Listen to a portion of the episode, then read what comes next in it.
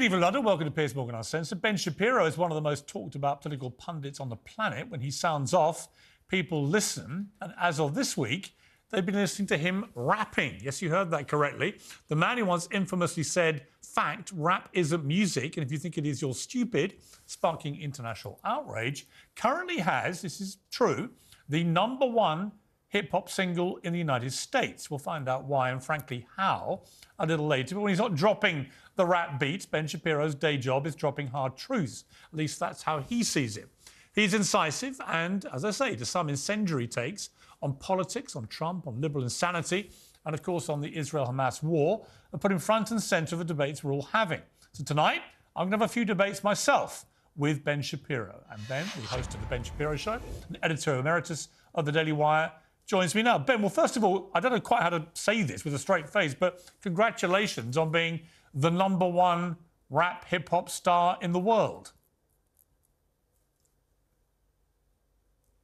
So first of all, you shouldn't say that with a straight face because it's legitimately the funniest thing maybe in the history of mankind. It's ridiculous and silly and hilarious. And uh, yes, we're very much for it. So yo yo yo, from Dr. Dreidel to you. I Well, we're going to come. We're going to come back to your hip hop career a little later, but let's just uh, focus on where we left off last time. I interviewed you four days after the appalling terror attacks of October the seventh, when emotions were very raw, uh, and I asked you directly then uh, about what you felt would be a proportionate response by Israel to what Hamas did on that terrible day, and this is what you said. Frankly, I don't believe in proportionate response to terrorism. I believe that the way that you stop terrorism is with wildly disproportionate response. That doesn't mean in terms of targeting civilians, it means in terms of killing as many terrorists as humanly possible. So my question is today, what is the going rate today for human lives? I mean, 2014 was a great year for Ben Shapiro. 88 Israelis were died, and there was 2,329 Palestinians killed on the other side. That is one Israeli for 27 uh, uh, Palestinians. That is a very good exchange rate. What I'm saying is, what is the exchange rate Well, for I- today? well, I- so I- you guys will be happy. So that was Bassem Youssef's response to you saying, effectively, when you deal with terrorism, there should be no sense of proportion. Um, first of all, your response to what he said there. Listen, Bassem is a very smart guy, and uh, I don't think that sarcasm or bad analogies or moral equivalents are really substitutes for realism or moral clarity about situations like fighting terrorism. No one wants civilians to die, except for Hamas. Hamas actually does want civilians to die, but nobody rejoices when civilians die. No one is looking for an exchange rate of death for death. The point that I was making is that when you are talking about, for example, legal proportionality in terms of just war, what you're talking is about proportionality to achieve your target. There is no actual math that goes into a war where you say, if a certain number of people die on this side versus a certain number of people die on that side, therefore the war is unjust. That's not exactly how war works. War is geared toward achieving a certain goal. Achieving that goal, if it is a moral goal, is moral. And then the question is, what is the minimum amount of force that you need to use in order to achieve that goal? That's what we were talking about when we talk about proportionality. When you're fighting a war like Israel is currently fighting in the Gaza Strip, in which Hamas has embedded itself in virtually every area of life, in civilian neighborhoods, in schools, in hospitals, in, in but beneath cemeteries. When, when you see Hamas do this sort of stuff, the question is what level of force must Israel use in order to extirpate that terrorist presence and that terrorist threat? And frankly, Israel would love to do that with a minimum of both Palestinian death and Israeli death, considering that more than 200 Israeli soldiers have been killed in the Gaza Strip. I mean, I'm, I'm one degree removed from three of the soldiers who have been killed in the Gaza Strip. There, for Israel, that's a, that's a heavy burden. Beyond that, Israel has no interest in mass killing of Palestinians. They were perfectly happy to leave the Gaza Strip completely alone, despite heavy rocket fire, for full on 20 years, from 2005 all the way up till 2023. It's 18 years. And Israel did not participate in, for example, the kind of action that you are seeing, which is a direct result of October 7th. The goal for Israel is to extirpate Hamas. All of this could be over literally tomorrow. And, and by the way, every day since October 7th, if the leaders of Hamas walked out, held their hands up, took deportation, not, we're not even talking about an Israeli jail. There's probably a deal, deal on the table right now for Hamas leaders to actually be sent just to some third party country. If they were to surrender the hostages, surrender power, and leave, this war would be over like immediately. Okay, well, let me But take Hamas you up- will not do that. They've been firing rockets into Tel Aviv literally this week. Right, let me take you up on that because I don't think it would end that way. Because I think the trouble with what's been going on since we last spoke in terms of proportion is it, I saw a, a BBC report yesterday uh, that the UN were reporting that 19,000 children in Gaza have now been orphaned. Another 10,000 children are reported by the Hamas run uh, Palestinian Health Authority have been killed. 50 to 60% of Gazan buildings have been severely damaged or completely destroyed. And I don't see any, any nearness to the end of this because by Israel's own numbers, they've only killed, if you believe their numbers, and I'm not quite sure how they know this, uh, under 10,000 Hamas terrorists. That means that you know two thirds of the Hamas terrorists are still to be taken out. So this could go on for many months, maybe a year, and those numbers of civilians being killed will exponentially rise, and the devastation in Gaza will reach a point where there is no real Gaza left. And I don't understand here, Ben, what the end game is for Israel. I'm not even sure they've worked it out themselves, other than to just obliterate everything in what many see as an overreaction to what happened by a superpower that hasn't thought through the consequences of taking out the whole of Gaza.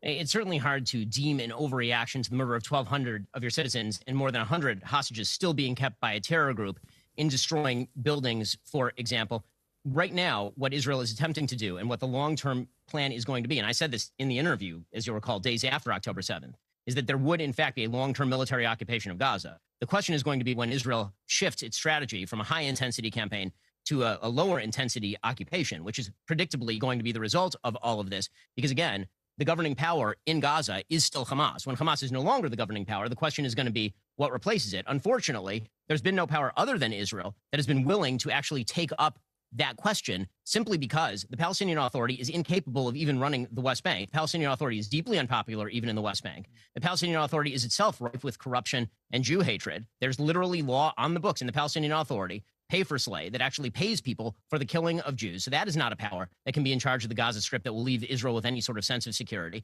The UAE has no interest in running the Gaza Strip. Egypt has no interest in running the Gaza Strip. Jordan has no interest in running the Gaza Strip. Saudi has no interest in running the Gaza Strip. The United States obviously has no interest in running the Gaza Strip. So the question becomes who runs the Gaza Strip? And if you are Israel, that question is not a question for a distant day. That is a question for every day. And right now, the military is effectively in control of the Gaza Strip, and that is likely to remain until there is some form of regime in the Gaza Strip that can be put in place that will end with the extirpation of terrorism that cannot involve the UNRWA, which is a terror haven, that cannot involve the UN, because the UN, unfortunately, has been cover for Hamas for literally 20 years. And so the question here is a tough one, and it's not an answerable one in kind of right now. The, the, and that's sort of the problem. Just because there's no good answer to the question doesn't mean that the question isn't urgent or that there is an alternative option available to what Israel is doing. What, what I've been missing in all of this is what exactly is the alternative option that has been presented by anyone other than Israel continuing on its quest to extirpate Hamas so long as Hamas is holding its citizens, firing rockets into the center of Israel and threatening Israeli life. Okay, my response to that would be that I think it's morally incumbent on Israel, who I've already said many times and believe to this day have not just a moral uh, right to defend themselves, but a duty to their citizens to do so. So let's just park that to one side. My position on that has not changed. It's just how they've gone about it. And, you know, only yesterday we saw Israel forces dressing up um, both as, you know, in, in Hamas style clothes and Palestinian clothes to go into a hospital on the West Bank and take out three Hamas terrorists. Um, and there are many people, uh, you know, impartial observers who say that what they did there uh, contravenes international law, that they're effectively uh, committing war crimes uh, because it's a violation of international law to feign protected spe- uh, status, in this case by dressing up as a doctor or patient, in order to invite the confidence of the adversary and then proceed to kill or injure them. And it's also against international law for combatants who've been incapacitated by wounds or sickness uh, and are protected from attack as persons ordered combat. So if they're paralyzed or incapacitated, an attack on that individual is prohibited by international law. So I look at that, it seems to be a, a prima facie case of Israel breaking the law. Uh, do you defend that? Yes, I defend that because if Hamas, or in this case, Islamic Jihad, is using a hospital as a terror base, which they have historically done, then the violation of international law is on them. I mean, by all international law, using a hospital as a terror base, which we have seen in the Gaza Strip, we're currently seeing in the West Bank as well, that's the war crime. I always find it very bizarre that international law is invoked when it comes to a response to a war crime, but not to the original war crime. If you use a hospital as a terror base, then the hospital is no longer only a hospital. It also becomes a site from which terror is emanating. And so when Israel engages in a targeted military operation, by the way, not killing any civilians in this particular operation, killing people who are clearly terrorists, that is the war crime as opposed to terrorists using the hospital as an organizing base. That seems to me peculiar. Well, it is by the letter of the law of international law. Yeah, it is. What they did was a war crime. You, you can't dress up effectively as uh, doctors and patients uh, and take out people who are being treated, which is what appears to have happened. Well, it's unclear whether they were being treated or whether they were simply using the hospital as cover. That's Israel's contention, anyway. The look, I, I, think that the problem is when you talk about this, you talk with great uh, clarity and you have a certainty about how you think this all plays out. I think what you may underestimate, and correct me if you disagree with this, but I don't understand how the kind of devastation we're seeing now in Gaza, the kind of huge death toll on children and women in particular, who have nothing to do with this, obviously, how that is going to not just lead to a whole new radicalization of Palestinians that will replace Hamas. So, yeah, Hamas may well get permanently dismantled. Uh, they're clearly being killed in large numbers, and clearly the underground uh, tunnel operations are being dismantled, and, and Netanyahu's made it clear he'll keep going until the end. So, assume that Hamas are removed effectively. Um, why do you think, Ben, that doing this in the way that Israel's doing it is not just going to lead to a whole new breeding ground of radicalized Palestinians who've lost family members, kids, wives, and so on, and who will want to exact revenge. How does it make Israel safer? It makes Israel safer by not allowing the governing party in that region to actually be fomenting the violence, providing weaponry, providing education to small children that reinforces all of the Jew hatred and anti Semitism that has been reinforced in these areas. That's sort of like asking in the aftermath of World War II, there had been so much unbelievable devastation in Germany, in Italy, throughout continental Europe. How is it the Western powers could expect that there wouldn't be an entire generation of people who would rise up in revenge for all of that? And the answer is that a rebuilding process is going to have to take place. This is currently why, from my understanding, Israel is negotiating with the United States, trying to bring in the UAE, trying to bring Saudi Arabia to essentially put in place some sort of Marshall Plan for the rebuilding of the Gaza Strip. That's going to take outside money. That's going to take a long term effort. This is not something that can happen overnight. I think one of the big problems in foreign policy is very often that people are looking for the immediate solution at the expense of the realistic solution. And the realistic solution in an area of the world where conflicts go thousands of years deep is not something that's going to happen next week. It's going to have to actually require heavy rebuilding, heavy monetary investment, but monetary investment not via groups that are linked to terror and sponsor terror and foment terror, but linked to groups that actually are going to promote quiescence, that are actually going to promote moderation, that are actually going to promote a future in this region of the world where both parties can coexist. When I uh, interviewed you, I later interviewed Andrew Tate several weeks later in Romania, and he said this. So Ben is a warmonger. Ben has been wrong on basically every single issue you can name. He was with you with the vaccine and, and, every other war. Ben is always calling for other people's young men to go and die in some war. He seems to love it. I don't know if he has short man syndrome, but he's always behind his desk calling about how important it is that big, strong men like me go and die. I mean, apart from the puerile uh, name calling and stuff, his point there that you're a warmonger, your response?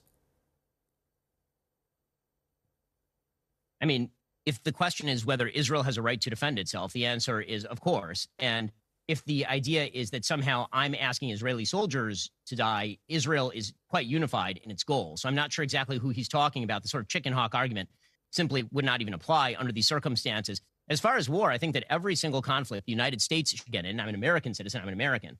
Every conflict the United States gets in ought to be, we ought to be asking, what is the actual American goal? What is the actual American interests, which is for one reason why I didn't support the war in Libya during the Obama administration. It's why I was very skeptical of American interventionism, whether covert or overt, during the Arab Spring. I thought that was going to end quite poorly. So, you know, again, I think that that's inaccurate, but it's Andrew Tate, so I, I, I'm not supremely surprised by that. I'm not sure, you know, exactly what his level of knowledge is on, on foreign policy issues, other than sort of the braggadocio.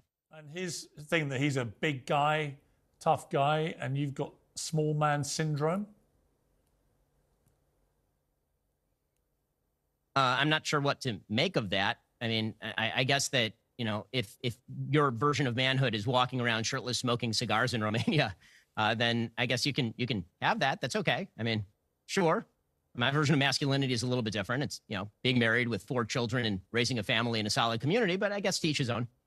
Uh, do you think Andrew Tate is a good influence on young men in particular around the world? He seems to have a very big one. Is it a good one?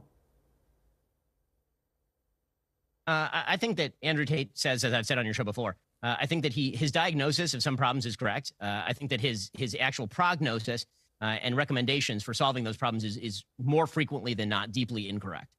You tweeted something uh, yesterday, I think, which got a lot of attention online. I just want to quickly quickly uh, ask you about this. Um, it, involves a woman called Rachel Corrie.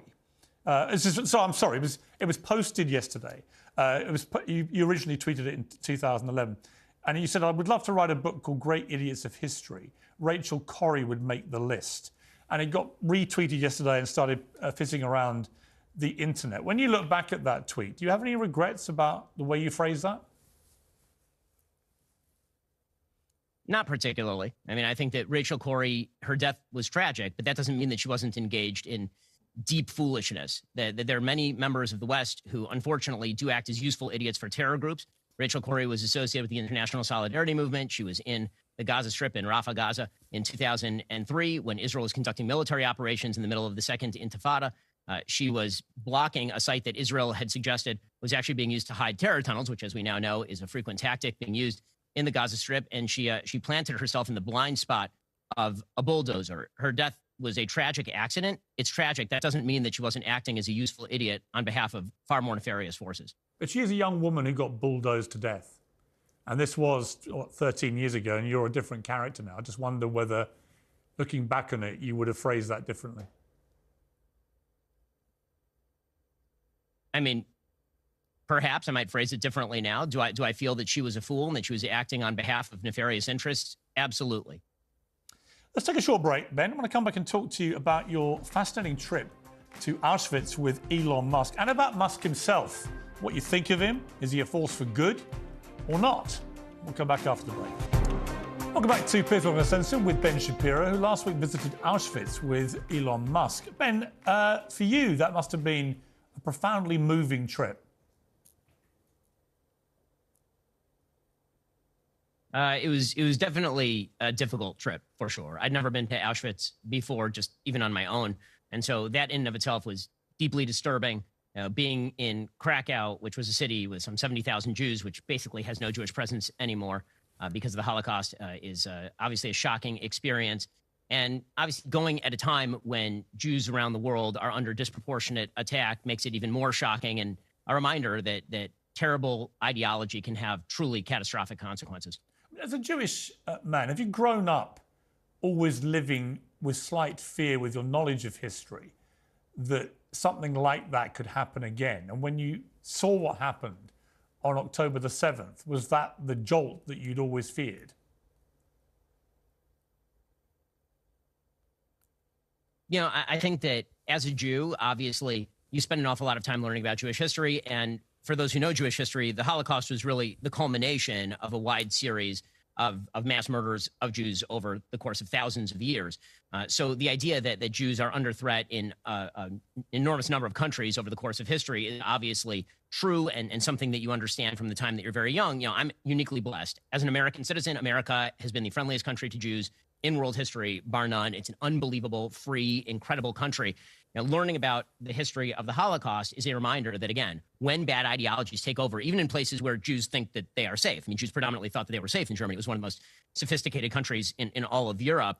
I mean, Jews fought disproportionately, actually, on the side of the Germans during World War One. Uh, the when you see that, and when you realize that the sort of conspiracism about Jews that led to the Holocaust is still very much alive and well in a lot of different quarters, that is is shocking. And, and October seventh, the reaction by many people in the world to October seventh, which was not to come down on the head of Hamas, but to instead suggest solidarity with Hamas in many cases, uh, to suggest uh, in, in many places on earth that actually the Jews were in disproportionate control of events in sort of the same conspiratorial language that we've seen historically. The, the way that crosses paths with more mainstream ideologies, all of that is, is certainly deeply disturbing. Is there more anti Semitism that's come to, uh, to public awareness in the last four months or so than you anticipated or realized? yes, for sure. I mean, if you had told me uh, that there'd be hundreds of thousands of people marching in solidarity with Hamas in various capitals, or that college campuses would become hotbeds of anti-Semitism, uh, I would have found that shocking, even as cynical as I am about politics. So yes, I mean, the, the rise of anti-Semitism globally in the wake of October 7th is sort of a shocking thing, especially because, again, typically the response of the world in the wake of large scale you know, genocidal massacres. And when I say genocidal, I don't mean that an actual genocide was perpetrated. Hamas doesn't have the power to perpetrate an actual genocide. They would if they could. Um, but in, in the wake of, of such massacres, typically um, people tend to rally to the side of the people who have been massacred. Uh, in, in this particular case, again, there was an enormous backlash against Israel that began literally the, the day after. I mean, there, there were protesters taking to the streets against Israel before Israel even launched any retaliatory strikes in, in the Gaza Strip. And, and that I found absolutely disturbing. Also, again, I think that there is a, a, certain conspiratorial mindset that has become quite common in the West. I see it more on the left than on the right, but there's certain ele- certainly elements of it on the right uh, that, that basically suggests that all of the structures of modern Western life are rigged. That the game is rigged. It's rigged based on based on hierarchical privilege. That the people at the top of that hierarchy privilege status are disproportionately white males, and that Jews are a subset of white males, and that you can actually tell who's the exploiter, who's the victimizer by amount of success in Western society. That is a deeply pernicious idea that tends to cross paths pretty easily with anti Semitism. You went with Elon Musk, as I mentioned, and he's had a pretty rough ride uh, in the last couple of months after he uh, tweeted, uh, You have said the actual truth, responding to a post that falsely claimed that Jewish people push hatred for white people. He since uh, apologized for that, and he went on this trip with you some people think he is anti Semitic. I don't think he is, but what was your experience of traveling with him to Auschwitz? Uh, Elon Musk is definitely not an anti Semite. And, and for people who are sort of jumping on various Twitter comments to suggest that he is, I would suggest that you look at the full corpus of everything that he's had to say on anti Semitism, on Israel, uh, on what's going on in the world post October 7th. Uh, it's very hard to come to that conclusion. Know, one of the things that, that I've said about Elon is that Elon is uh, he can be Trumpy in the way that he uses Twitter. That he sort of puts out whatever he's thinking in the moment, unedited. Uh, that's one of the benefits. It's one of the drawbacks. Uh, very often, he will then come back and sort of fill out exactly what it is that he meant to say, which is what happened in the case of, of that particular tweet. Um, that also means that he's considering things in real time, which is one of you've interviewed him, I believe, and interview, interviewing him is really interesting that way. You'll actually ask him a question, and unlike most people who are asked interview questions, he actually sits and considers the actual question. He'll take it in. You'll see him actually shift his opinion in real time as he processes the question. It makes him a fascinating person. Well, it's funny. I wasn't going to say this, but you've you've triggered me by saying you've interviewed him. I haven't interviewed him. I spent a year courting him to do an interview. He finally agreed to do an interview actually at the start of this year. I was two days away from getting on a plane from Los Angeles to Austin in Texas to do it with him. And at the last minute, he suddenly sent me, because uh, he was doing all the organization himself on direct message on X, he suddenly sent me a clip that someone had posted that day from an interview I did with Zuby at the start of December, in which I criticized Elon for bringing Alex Jones back to X, uh, something he'd always said he wouldn't do. And he said that he'd lost all respect for me because I had said that and the interview was summarily cancelled. Uh, so I never got the chance to interview him, which is a great regret because I think he's probably the most fascinating guy in the world right now. It also showed, a, I mean, you mentioned his Trumpian tweeting, a slightly thin skin. I was pretty surprised that someone who is such a defender of free speech was so thin skinned about a criticism which actually a lot of people felt. Uh, he was right the first time about Jones, that Jones crossed a line that probably did warrant not being allowed back on the platform. Um, so, so I'm afraid I haven't interviewed him, and that's why. So I've given you a little scoop there. Um, but on that on that point that he was upset about, do you think Alex Jones should have been allowed back? So my, my general belief is that Alex Jones should not have been banned from Twitter in the first place because he didn't actually violate on Twitter their terms of service. Uh, my, my, belief is that you should actually have a, a consistently applied set of terms of service uh, that really is less qadi under the tree deciding who should be banned and who should not, because that gets into some really dicey areas.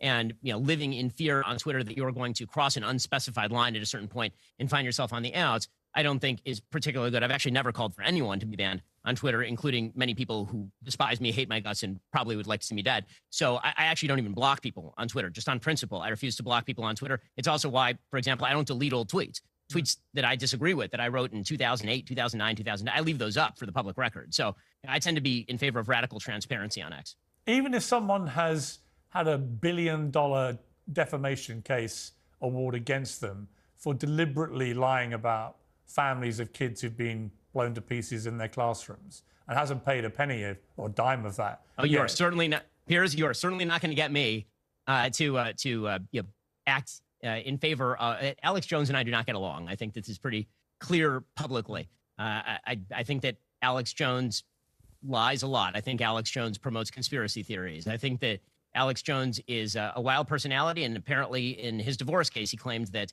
you know, many of the things that he says are for show. You know, that, hmm. that's that's what Alex does. You know, that's that's his shtick.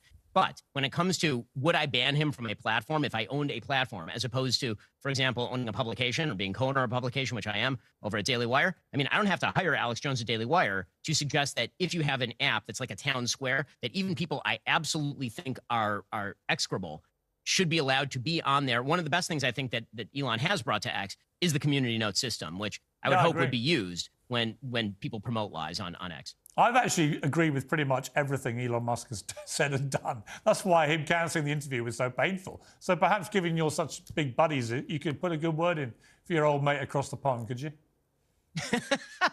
I didn't realize I was going to be Elon's conduit in this interview here. I've got but, no uh... other way in now. I, you're my last. You're my last chance. Because I actually do think he's a he's a genius, and I think he's actually a force for good. I asked the question earlier, but if you look at everything he does, I do think he comes from a place of wanting to make the world a better place and not a worse place. And I think people like him should be encouraged. I mean, I totally agree with that. I mean, the, the world requires audacious thinkers. Elon Musk is an audacious thinker.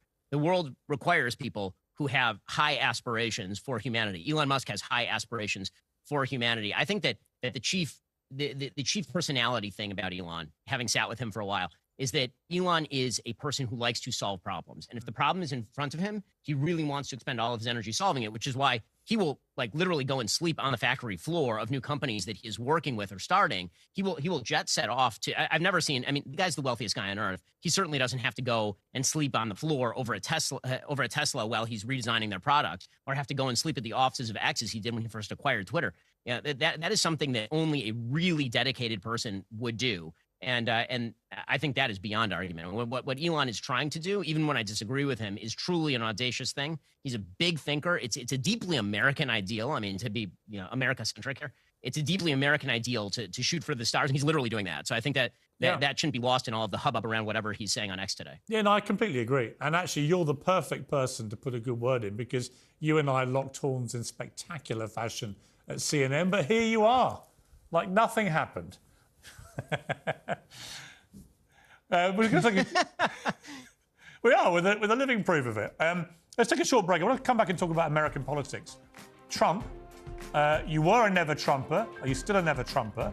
Uh, and Biden, is it really feasible that the Democrats are going to go into battle in November with a guy who can barely stand on his feet or think straight? We'll discuss after the break. Well, I'm back with Ben Shapiro, who, just to remind the world, is currently number one rapper in the world, which we'll come to a little later.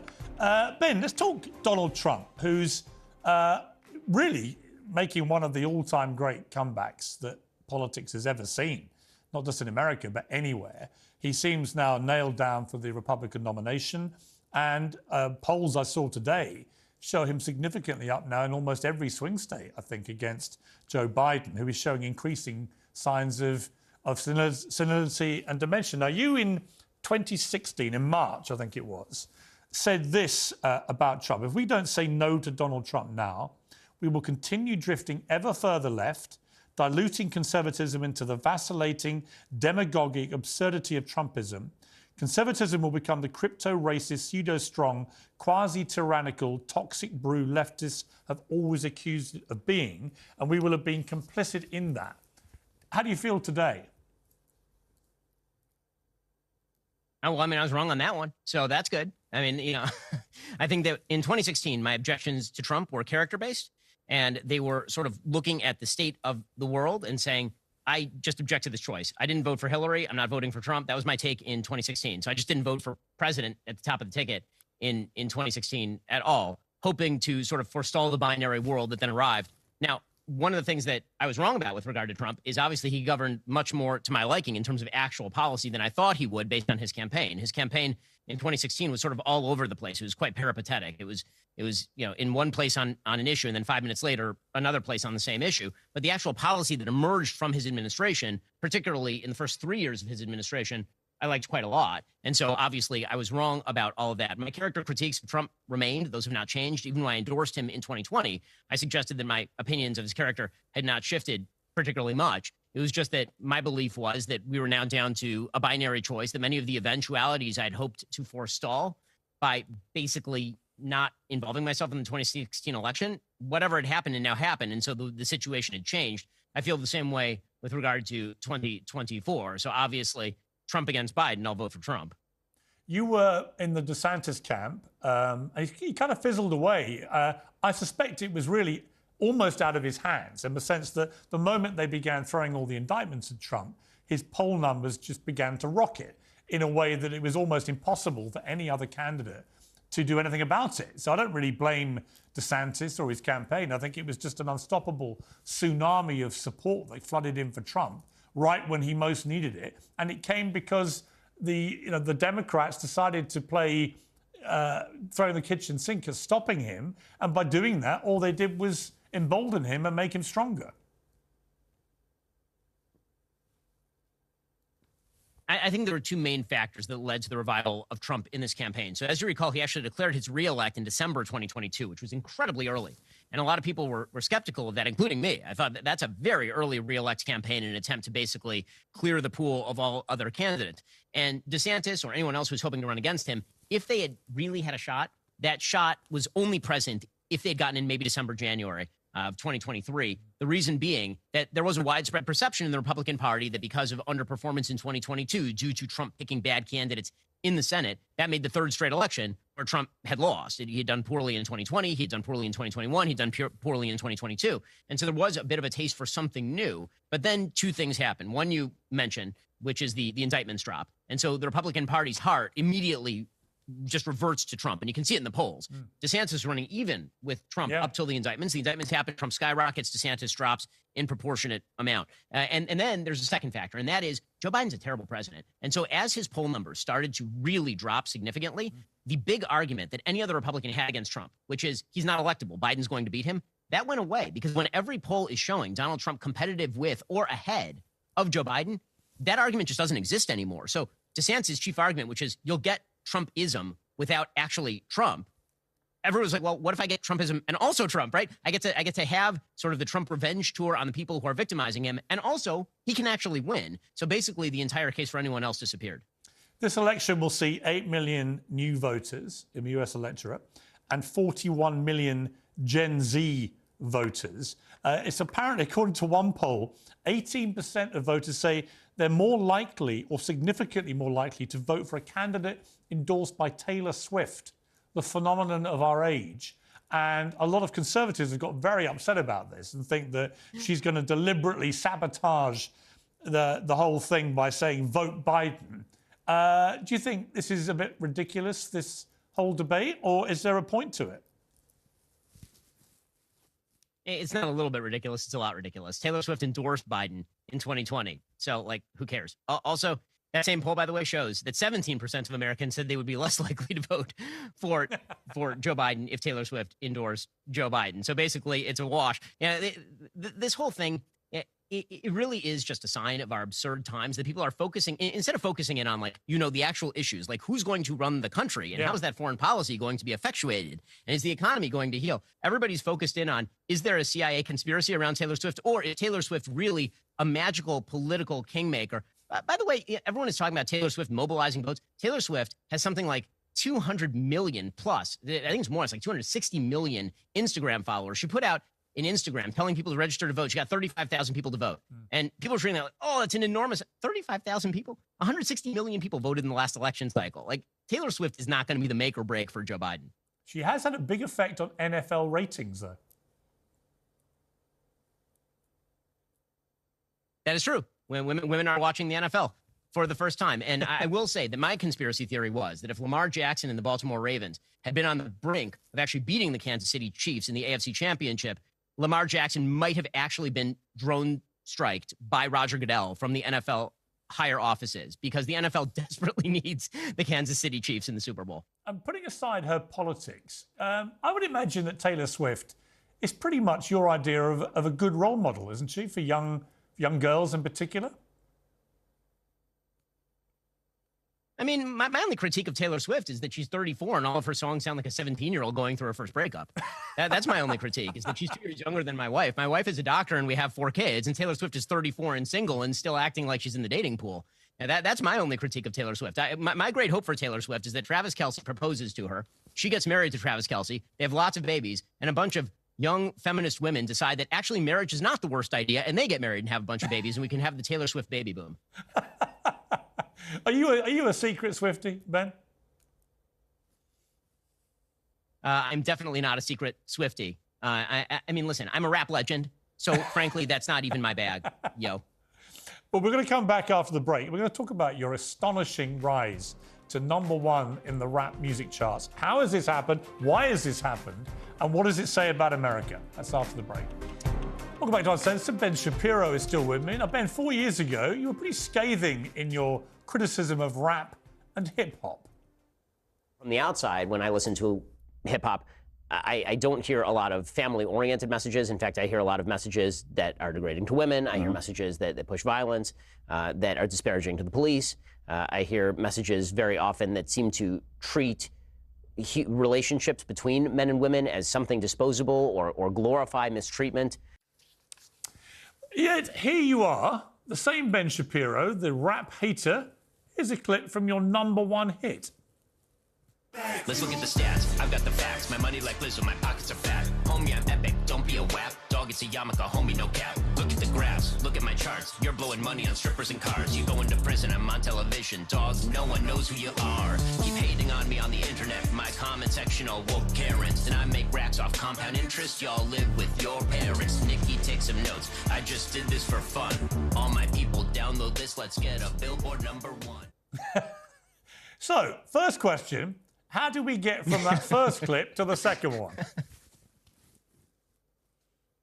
You know, life is a journey, Piers, and uh, I've decided to to take that journey one step at a time. Just never know what life is going to throw your way. If my parents had known when they spent, you know, thousands of dollars on 15 years of classical violin lessons with some of the best teachers in the world, that my musical career would culminate in me at the top of the world rap charts, I think they, I can only think that they would be incredibly proud and just just so proud that they they spent all of that time so that I wouldn't at least clap on one and three. So that's that's very very exciting stuff. And and yes, I mean we're taking over the industry from the inside. Tom McDonald is the real talent behind all of that. Obviously, uh, Tom Tom can actually rap. Tom's actually good at this.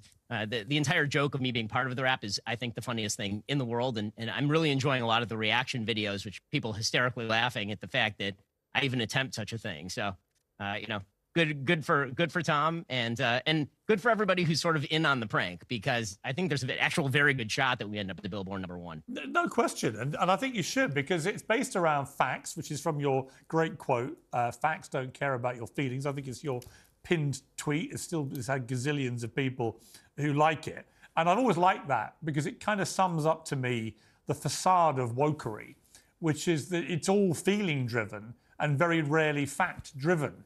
And in fact, all the lyrics of this, which you know, you, you send up rap music very, uh, very cleverly, but also in Tom's uh, lyrics, go woke, go broke, no hope, is pathetic, pro-choice, pronouns, pro-love, your progressives, and so on and so on. Where are the American flags at? Remember when people would hang those, they'd been taken down, replaced with BLM flags or a rainbow, and so on. It will hit a nerve with people who feel like their their country is no longer somewhere that they feel comfortable in or recognize because the woke brigade have made everyone, or tried to make everyone, feel so ashamed of what it means to be an American or what it means to be British.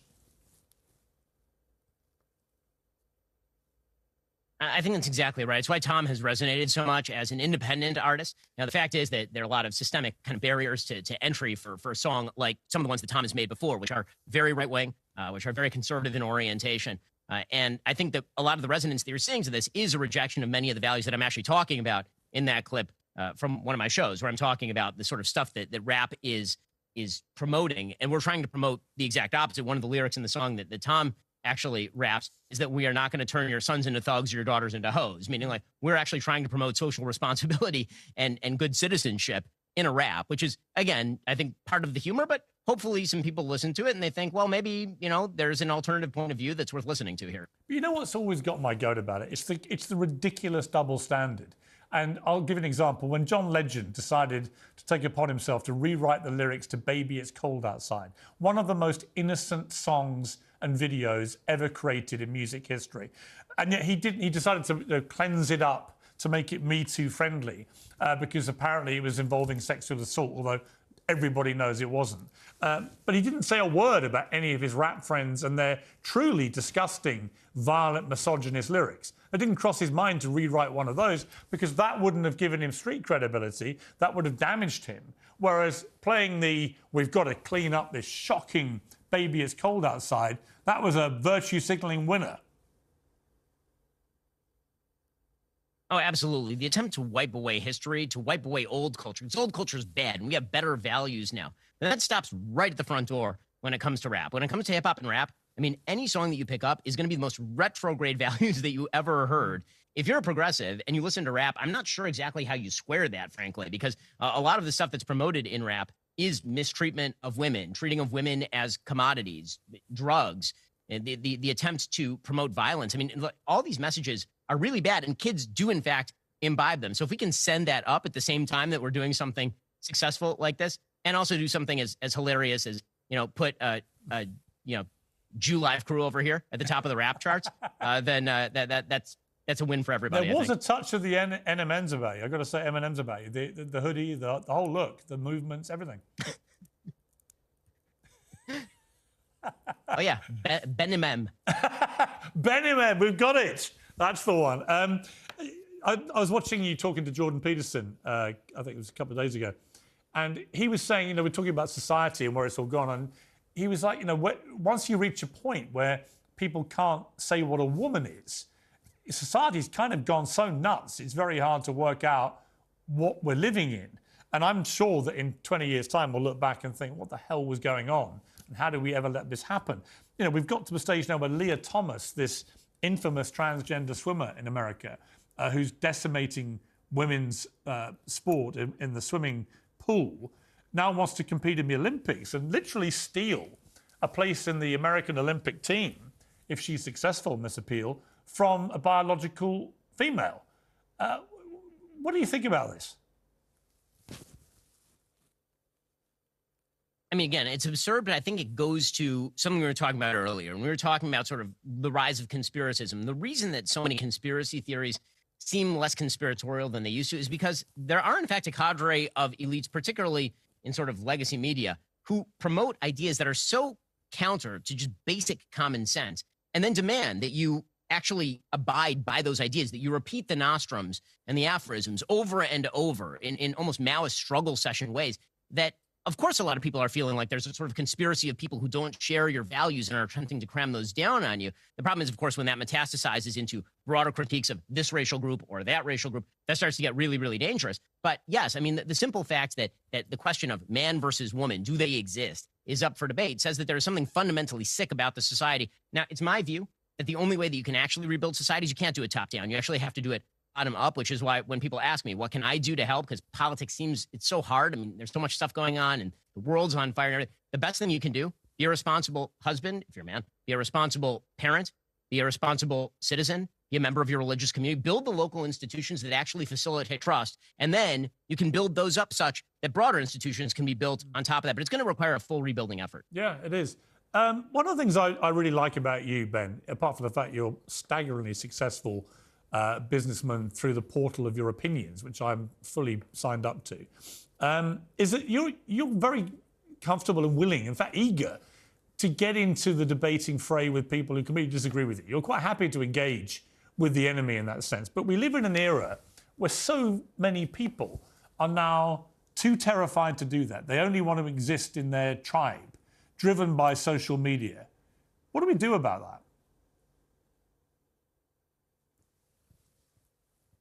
I mean, frankly, I think that all you can do is try to use your platform to talk with people of various sides who, who, disagree with you. Now, again, I think that there is such a thing as an Overton window, right? I'm not interested in sitting down with somebody who's espousing the murder of all Jews, for example. I, I agree with you. There is such a thing as the Overton window. With that said, you know, I think that good faith conversations happening across the aisle is deeply important, not only because it clarifies positions, but also it does rebuild that social trust that is clearly falling apart because one of the biggest problems we have is what, what I've termed sort of the happy birthday problem, which is, you know, you're a public figure, Piers. How many people do you know who will text you happy birthday but will not tweet it for fear that they might receive blowback simply for recognizing that you were born of woman? You know, yeah. th- that sort of problem is the is, is the sort of thing that I think fundamentally carves away at a society because we can't at least acknowledge that we're part of the same civilization, that we share probably 80% of our values, even if we disagree strenuously on the other 20%, that's not a civilization that can be that can be preserved. No, I agree. Uh, ben, we've run out of time. I love talking to you. Please come back whenever you can fit us in. Uh, the Ben Shapiro Show is fantastic. The Daily Wire is fantastic. Uh, I love the uncensored opinions you bring, and I love you coming on Uncensored. So thank you very much indeed for joining me.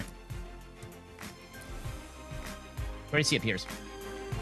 That's it from me. Whatever you're up to, like me and Ben, keep it uncensored. Good night.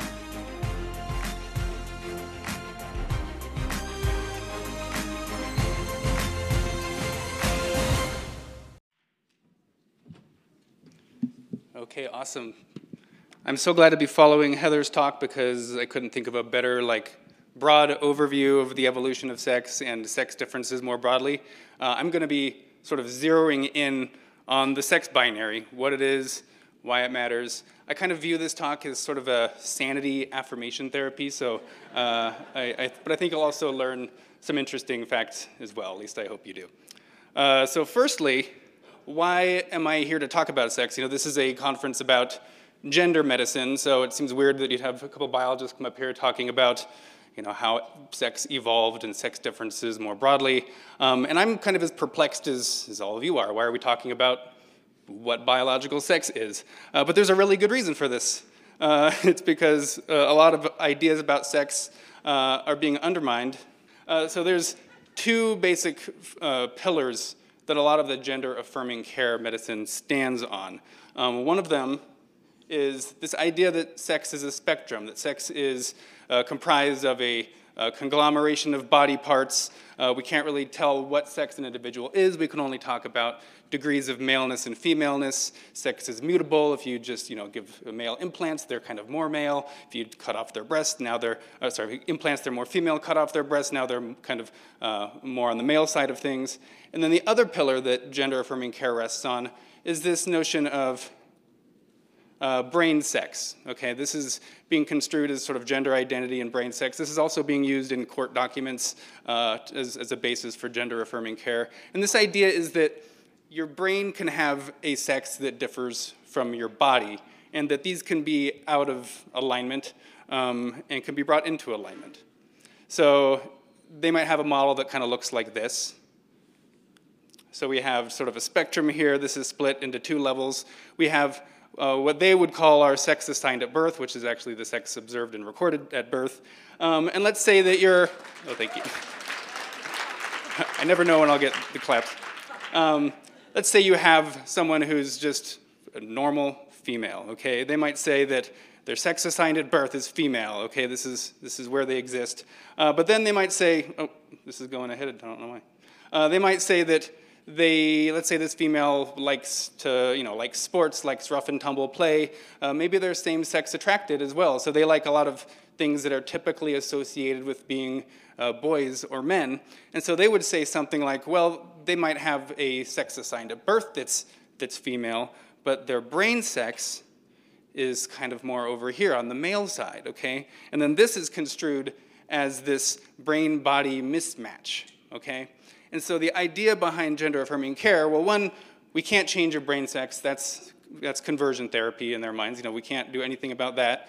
Um, but since sex is this mutable spectrum that's just comprised of body parts, well, we can give you hormones, we can give you surgeries, and we can change all those physical features that comprise one sex, and we can turn this level of dysphoria uh, sort of into, um, into alignment and give you sort of gender euphoria. So this is the, the kind of the basis for gender affirming care. And so it really matters whether or not sex is a spectrum, whether it is mutable, whether it's just comprised of a bunch of body parts that can be moved willy-nilly and change your sex. Um, so uh, I'm going to go over a couple of the arguments about why sex is actually binary, why it's not on a spectrum, uh, because that's a really important uh, aspect. It's fundamental to this entire thing. So the sex spectrum, I'm hoping to sort of carve this in half and show you why that is binary. So what is biological sex? What are the sexes? Well, the sexes, male and female, they represent two distinct reproductive strategies, these evolved reproductive roles. Okay, males are defined as the sex that produces numerous small gametes or sperm, and we see those around the center here. Uh, females are defined as the sex that yields fewer but larger gametes, or what we'd call eggs or ova. So we categorize individuals as male or female based on the type of gamete, sperm or ova, they can or are expected to produce. Uh, since there's only two types of sex cells, gametes, sperm and ova, uh, there can be only two sexes, and there are only two sexes. And this binary division between these two gametes uh, forms the crux of biologists' description of sex as a binary. Now, this really could be the end of the talk because that's really all you need to know at a fundamental level. Uh, but we'll go into more detail because there's a lot of activists trying to undermine this like super basic concept. Um, So yeah, there's, a lot of, there's a lot of propaganda out there. We have figures like this in Scientific American. We have YouTube videos why biological sex is a spectrum with millions of views. Uh, this is kind of going ahead by itself. There's the Why Sex is Binary by you know, Anne Fausto-Sterling in the New York Times. There's uh, Discover magazine about why sex is a spectrum. There's books about the sex spectrum. There's you know, the Trevor Project. There's even more stuff that comes out. Scientific American is one of the leading propaganda outlets right now about this stuff. Well, here's why human sex isn't binary. Uh, San Francisco Chronicle, uh, sex binary, that's a scientific falsehood according to them. Uh, Scientific American, to understand sex, you know, says that the number of sexes differs depending on context. Uh, Washington Post, you know, we can't look at the body, we need to look at the brain to find out what sex you are, apparently. Um, so you might say, okay, well, this is just a bunch of op-eds, okay? Because as long as this isn't in the scientific literature, everything should be okay. Uh oh. So, Nature, this is like the most prestigious journal, at least was in the entire world. Um, apparently, sex has been redefined. The idea of two sexes is simplistic. Biologists now think there's a wider spectrum than that. Didn't get the memo. Uh, multivariate models of animal sex, breaking binaries leads to a better understanding of evolution, of ecology and evolution interesting. Uh, this is one, sex gender. They won't even say the word sex as separate from gender. They want us to use the term sex gender or gender sex now. Uh, so that's being more common. There's more papers on that. These are monographs. I think this is the, uh, what is this, the American Psychological Association, their lead, their flagship journal. Um, and then there's hormones and behavior. This is a new paper. This I think just a couple weeks old. Uh, this is at least used to be a serious scientific publication. Um, Let's look at the conclusion. This is, I couldn't have imagined ever reading something like this in a scientific paper. Uh, they said, to be clear, this is a call to arms. Hold on, me. Uh, to implement this deconstructionist approach in lieu of binary sex frameworks, move away from this hypersimplistic sex model, and conceptualize sex and non-sex physiologies as multiple interacting variable and unbounded by gendered limitations. So this is we're in like a full court press now of like the scientific literature getting crazy. So uh, the arguments against the sex binary are kind of um, in, two main categories. The first I call sex expansionism, and this is the idea that there are more than two sexes. Okay, so rather than there just being males and females, uh, maybe there's four, four sexes, six sexes, eight sexes, one more four. and uh, so that's, that's one idea of it. This is different than sort of other arguments forward, uh, what I call sex eliminationist arguments, which is this idea that uh, instead of those two sexes, um, rather sex is, exists on a spectrum. There's forward more here. Uh, we can't really talk about males and females per se, um, but males and females are this, these statistical realities. You can only approximate uh, slightly. You can have degrees of maleness and femaleness, but you cannot be male or female. And again, this is viewed as like a mutable thing. So we're going to go more into sex expansionism here, and I'll go over one of the arguments for these, uh, this type of argument. Um, so the idea uh, that for sex expansionism is that, um, sorry, go forward here. So it's based on this misinterpretation uh, of the idea that sex is determined by chromosomes. Now that's a true statement, but there's a lot of misconceptions over what that actually means. Um, so a lot of people, including people who I would say on our side, who are trying to defend the reality of the sex binary, will say something like, "Oh, sex is determined by chromosomes. If you're XX, you're female. If you're XY, you're male." That's what they think the sex binary is. End of debate. Um, but then activists will then point out, saying like, "Well."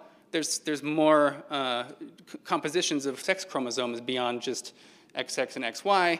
We have, uh, you know, Jacob's syndrome, we have triple X syndrome, Klinefelter, Turner, uh, XXYY syndrome. We have all these different categories, and so they would say, well, if sex is determined by chromosomes, then we have way more than two sexes here, because look at all these different uh, compositions that we can have. Um, so this is fundamentally based on this misinterpretation or this uh, confusion, uh, conflation of how sex is determined with how sex is defined. Okay, so I'm going to kind of go over what those mean. So broadly speaking, we have what are called sex determination systems. Okay, these are uh, the mechanisms that cause an individual to develop down a pathway that leads to the existence of a male or a female.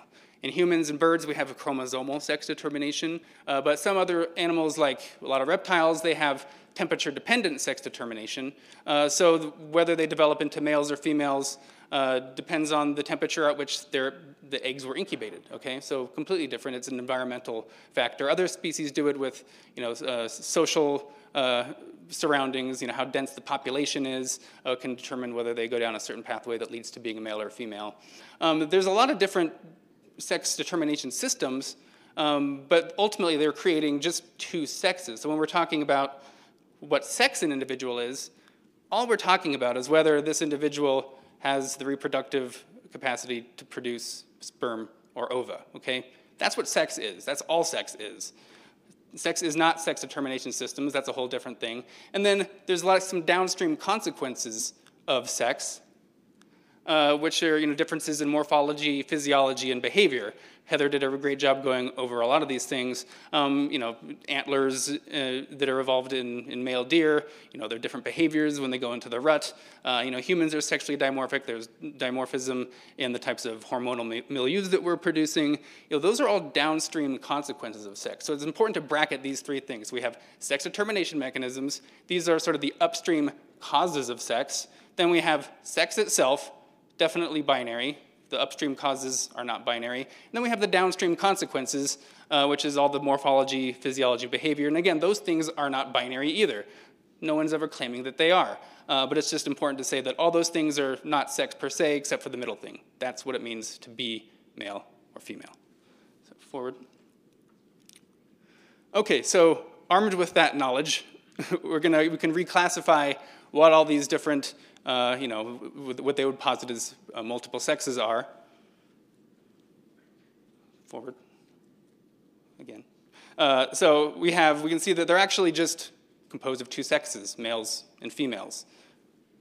Uh, yes, so just two sexes, you know, because they're trying to conflate sex determining systems or sex, uh, you know, chromosomes with outcomes, but really those are just uh, different compositions, different chromosomal compositions within the male and female category. So we're going to go back uh, and now talk about sex eliminationism, uh, which again is this notion that uh, sex exists on this spectrum uh, of, of individuals where you can only statistically approximate sexes. Sexes aren't real. Um, it's, it's interesting to point out that these arguments are actually in conflict with like the sex expansionist approach, because if you don't think sex is real, then you certainly don't think there's a finite number like five or six or whatever. But they never debate with one another. It's always them, those two groups, which are actually the same people, uh, debating with people like me who say there's only two sexes. Because the goal isn't really to have, you know, the, find out how many sexes there are or destroy sexes. It's really just there can't be two in their minds. Like, that's the only thing. So you get the same people using arguments about, you know, there's five sexes, and then they'll flip once you destroy that argument, and they'll say, oh, well, sex isn't even a thing at all. So it's it's, it just depends on the context, however they can win an argument. Um, so this is, uh, you usually hear these types of arguments. The sex elimination one is uh, encapsulated in the, uh, the term sex is a spectrum. And this has two main sort of arguments to argue that sex is a spectrum. One is based on intersex conditions, and the other is based on uh, secondary sex characteristics. So intersex conditions are basically these conditions that people can have that result in the appearance of ambiguous sex in terms of their genitalia or sort of a mismatch between their, their chromosomes and their outward appearance of sex. Um, and then secondary sex characteristics are basically the differences that arise during puberty. You know, men, uh, males grow taller, we get more upper body strength, we have voices get lower, uh, more facial hair. Women develop breasts, um, they have wider hips and certain fat distributions. So these are things that develop you know, downstream. These are the downstream consequences of sex. And they're called secondary sex characteristics for a reason. It's because they're secondary to what it means to be male or female. Um, so uh, let's go forward. So we're going to talk about the intersex conditions first, the argument from intersex conditions. So this, I think, has been stated very clearly by Alice Dreger, um, and she said in her book, um, I think it was Hermaphrodites and the Medical Invention of Sex, um, when she says hermaphrodites, she means intersex people, so just keep that in mind. So she said that hermaphroditism causes a great deal of confusion, more than one might first appreciate, because as we will see again and again, the discovery of a hermaphroditic body raises doubts not just about the particular body in question, but about all bodies. The questioned body forces us to ask what exactly it is, if anything, that makes the rest of us unquestionable. So I think that's kind of the distillation of the argument from intersex conditions, saying that some people are intersex, what really is sex? We can't really say anything about anyone's sex if some people are, you know, have these conditions that sort of blur this line. But this might sound like really profound if you don't like know anything about what males or females are, uh, but it's, it's just sort of the pseudoscientific woo-woo. Like there's, it's just completely not true that because some people might, you know, who are at a glance difficult to place in a male or female box, you know, based on their genitalia, that we're all somehow in this, cast into this realm of complete uncertainty. Like that's just not the case. Most people, like a coin flip, are either male or female. You know, you don't get a coin flip that's 70% heads on a single flip. It's either going to be heads or tails. Maybe you'll get, you know, with a nickel, I think one out of every 6,000 flips will land on its edge. Uh, that doesn't negate the existence of a heads or a tails. Uh, and the prevalence of intersex conditions is about the same prevalence uh, likelihood of a, a, nickel landing on its edge, but 1 in 5,500. So uh, go forward here. Um, so we also see graphs like this. This was in Scientific American, just trying to make sex seem so, so complex that we can't say anything. We just need to throw up our hands and let people self-identify any sex that they want to. Um, forward. So the, forward again. So the idea here is that intersex conditions aren't evidence that there aren't more than two sexes or against the sex binary because intersex conditions don't result in uh, reproductive systems that can or would or did produce a third or fourth type of gamete. So they would need to produce something like a spurg or a speg in order for this to be, in order for an intersex condition to truly be like a new sex, okay? Again, sex ambiguity is not a third sex, okay? Intersex conditions, if you, you know, maybe we're all exposed to radiation and future generations you know, have 50% prevalence of intersex conditions, that still wouldn't mean there's more than two sexes. It would just mean there's a lot of people who are difficult to place at a glance. You know, they have, they have intermediate appearing genitalia. There would still only be two sexes. So the prevalence of intersex conditions has no bearing whatsoever on how many sexes there are. Sex is still binary, no matter how many, you know, the prevalence of intersex conditions. Okay, so we're going to move on to the uh, arguments from secondary sex characteristics. And remember, these are the characteristics that sort of differentiate during puberty. Um, we're talking like Adam's apples in men, facial hair, upper body strength, breasts in women, etc. Um, this is in scientific papers, but it's also in, in your child's classroom. Uh, this is the genderbread person. A lot of you have probably seen this before. And we're just going to zero in and see how they describe biological sex. So zooming in, one, they won't even say male or female. They just say maleness or femaleness, and they all start from zero and go to wherever. Um, and the description of biological sex here is the physical sex characteristics you're born with and develop, including genitalia, body shape, voice pitch, body hair, hormones, chromosomes, etc. They don't even mention gametes, which is the universal defining feature of males and females across the entirety of life. Um, and they're using things like body shape and voice pitch. This determines your sex. Like a, a hairy girl is like more of a male. Um, yeah, uh, go forward. so they even like have these sliding scales that are like examples. Uh, here's, here's, a male, and you know it's sort of intermediate on the male part, uh, and it's it's completely you know ridiculous. Now you can go forward. Um, so if we take this idea seriously, dead seriously, and say like, okay, maybe secondary sex characteristics do define your sex. Let's see where that leads us. Um, so you might see figures like this. They'll say that, well, you know, breasts, uh, how tall individuals are, these are secondary characteristics. Uh, they exist on like this bimodal spectrum, and they would say either a combination of characteristics or characteristics by themselves, uh, sort of cluster like this, and you know, we have you know, males are the ones that kind of cluster in the male hump over there, and females are kind of, we classify those as the individuals that approximate the features that are on the female hump.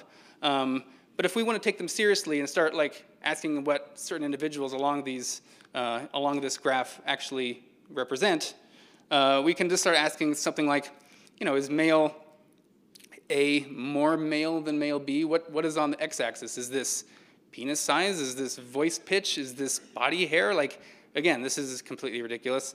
Uh, is female D? Are they more female than female C? Again, what is on this? Uh, what, what is being measured here?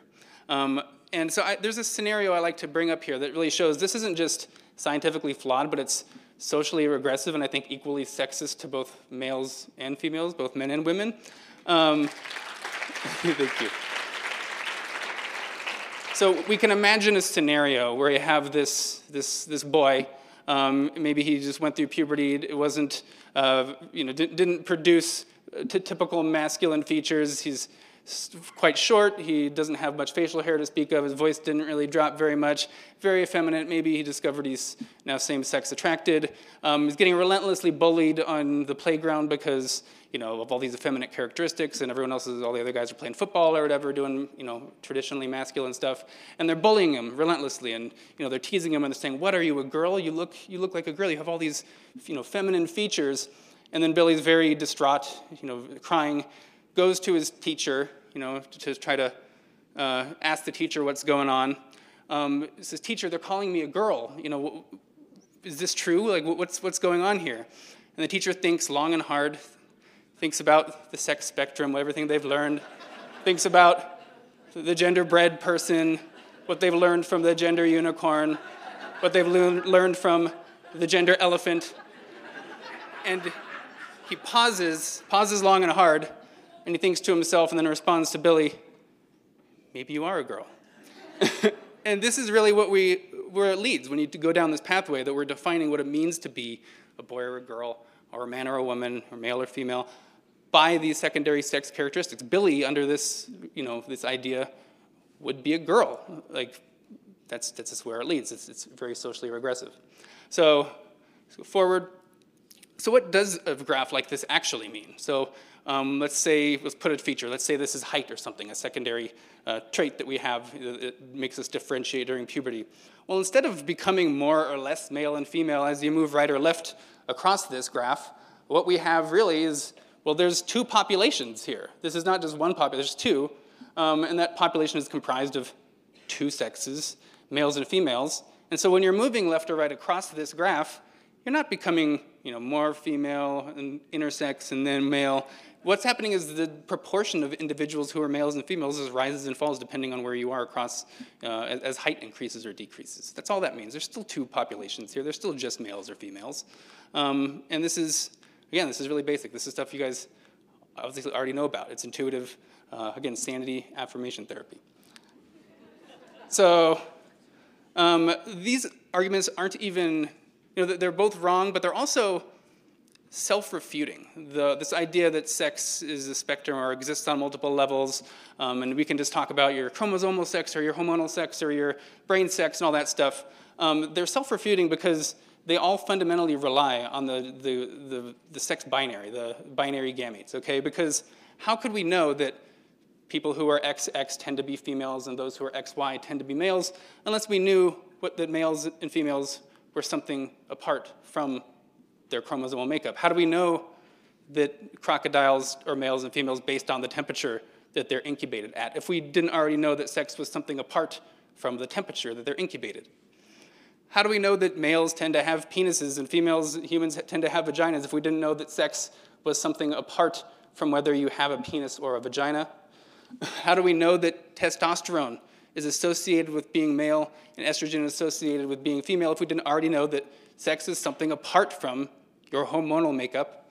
Uh, same with morphology. How do we know that females, human females, tend to have breasts, uh, breast develop, that males tend to grow beards if we didn't know that their sex was something apart from their beards and their breasts?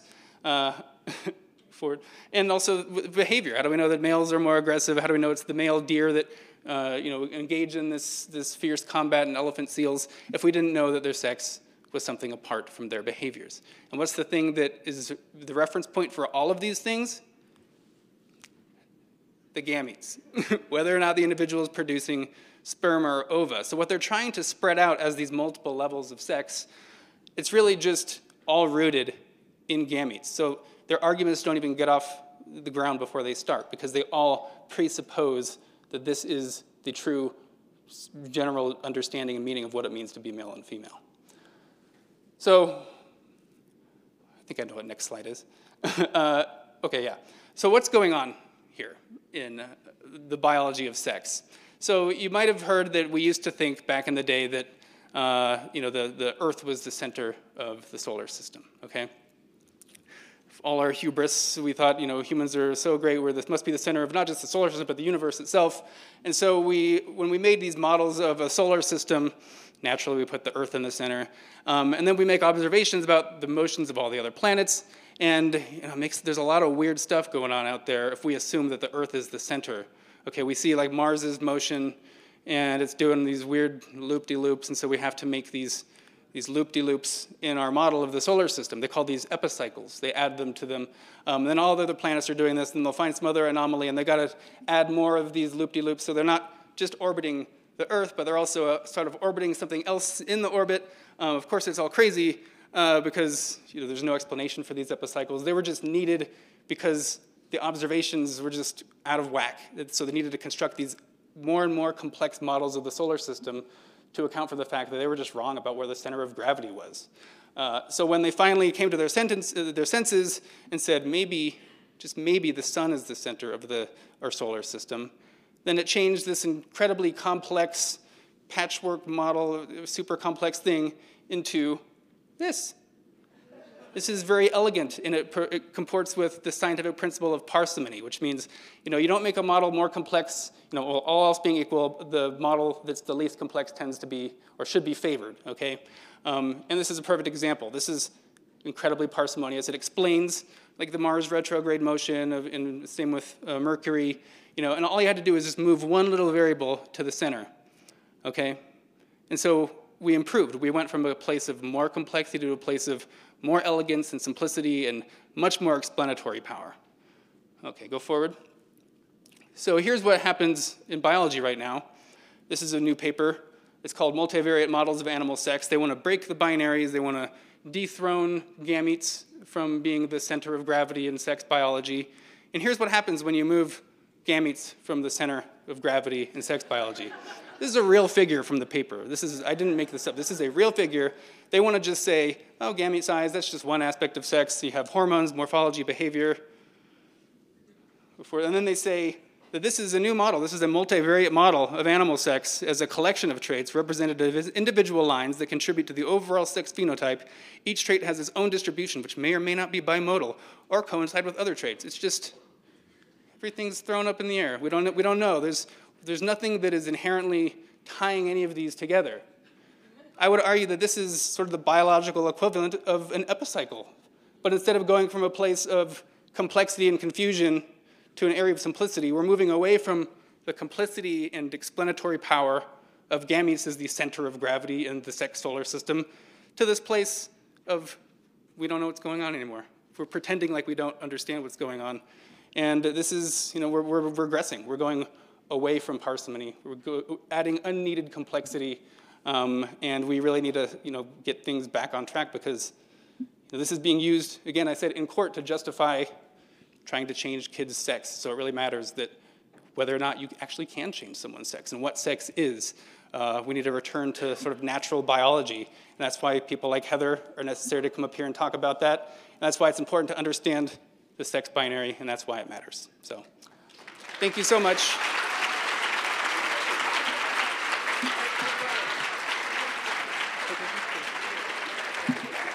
So they said I can take a few questions. I'll just assume that when I hear a voice, I'll just look up. Hi, ooh. Um, Michael Reddy. I'm a family physician, uh, dedicated headache practice for 15 years. And I don't know if this is a question or a comment, but something that you said just popped a light on. And I, I, I came to practice around the time of the opiate crisis. And that was based a lot on self identification. And I hear a lot of the echoes of that in this. And I became a follower of Dr. John Sarno, who was very big into mind body evidence and uh, mind body syndrome. And he would always say, the only place the mind is separate from the body is in anatomy textbooks. And the thought that popped into my mind was, how is this not a different form of conversion therapy?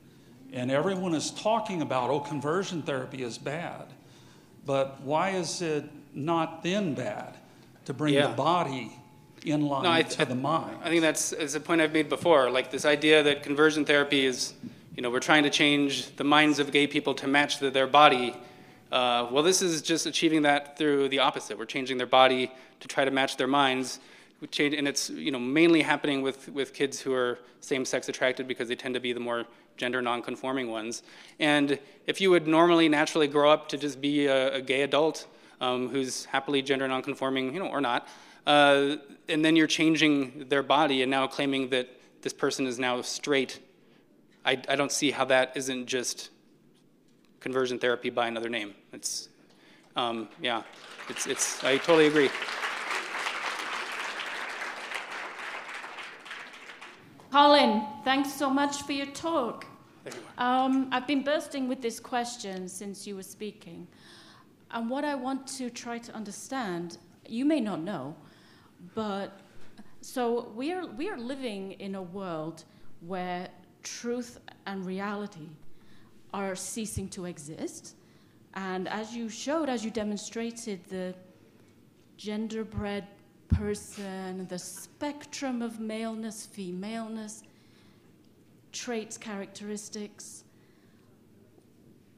When this, when this is going into scientific journals, where was the pushback from our colleagues in science and medicine? It, it's not, as you pointed out, it's not that complicated what, what defines a male or a female. And how did it get this far? And why has it been allowed? Because I, I, I cannot understand why there hasn't been more resistance to this message that has been allowed to really infect society. That's how I see it. Yeah, no, I'm I'm, very I, agree. It's it's completely insane, and it, I've been talking about this for five years, and there's I can still count the people who talk about this. The biologists who are speaking up. One of them's here. Two of them, Carole as well. There's probably some others who are in the audience, but at least biologists with a platform uh, of any significant degree. There's still so few of us talking about this. Um, some journals are starting to open up a little bit. I've been contacted by some some editors who sort of want me to be publishing pieces here to push back against some of this, just to have some sort of uh, you know um, counter argument in the scientific literature. Because right now they're just they're just running rampant through everything, and they see what happens when people like me or Carole speak up. I mean, would they go after us super hard? I mean, I have to have a, sub, a Substack that's keeping me uh, so I don't I can't be canceled anymore to talk about this stuff. That gives me the ability to come up here and talk about this stuff because you know the biologists out there see what happened to people like me, like Carole, like like Heather, and they it sends a signal that if you talk about this, we're gonna try to cancel you as well. This isn't comport with DEI. You're making students feel unsafe on campus by publishing these types of things. Uh, that's that's the mes- message that's out there right now. So.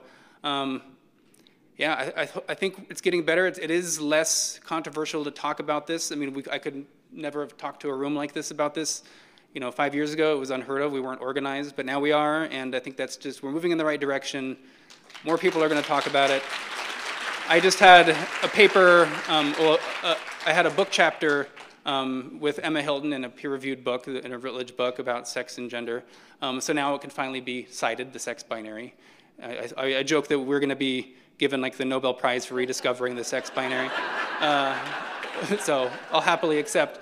But yeah, we, we, need, we need more papers. We need things to cite. We can't just be citing Quillette articles uh, on this stuff because it makes us look crazy. But um, yeah, the world is crazy. So. Okay, one last question. Hi, one more. Um, Particularly, how do we get this basic, intelligent information, particularly Heather's, into the K through 12 curriculum? How do we do that? That's what's needed. Yeah, uh, you know that's that's a good question. I mean, I think it needs to start as local as possible. Try to get on the school boards um, as much as you can to you know try to take control of the mechanisms that will allow you to have some say over what's in your your students' classroom. And I know that some states like California have passed these sort of legislation about you know gender affirming care that can be taught. And so there might be difficulties there, but I really think it starts you know close by as much as you can, getting on school boards, trying to overturn those, trying to bring things to a place of sanity. Um, a lot of the gender affirming people, you know, a lot of these are sort of childless activists and they're just busybodies. They have a lot of free time because they don't have kids. and so there are the ones that are joining these boards um, and causing all this havoc uh, on all the people who, who have kids uh, and whose kids are affected by their policies. So we need to be as much as busybodies as they are, um, which will make us even more busy because we're, we shouldn't have to do this and it can't be a full-time job. So we need to, we need to, we just need a rally, I think, uh, to say the least. Thank you.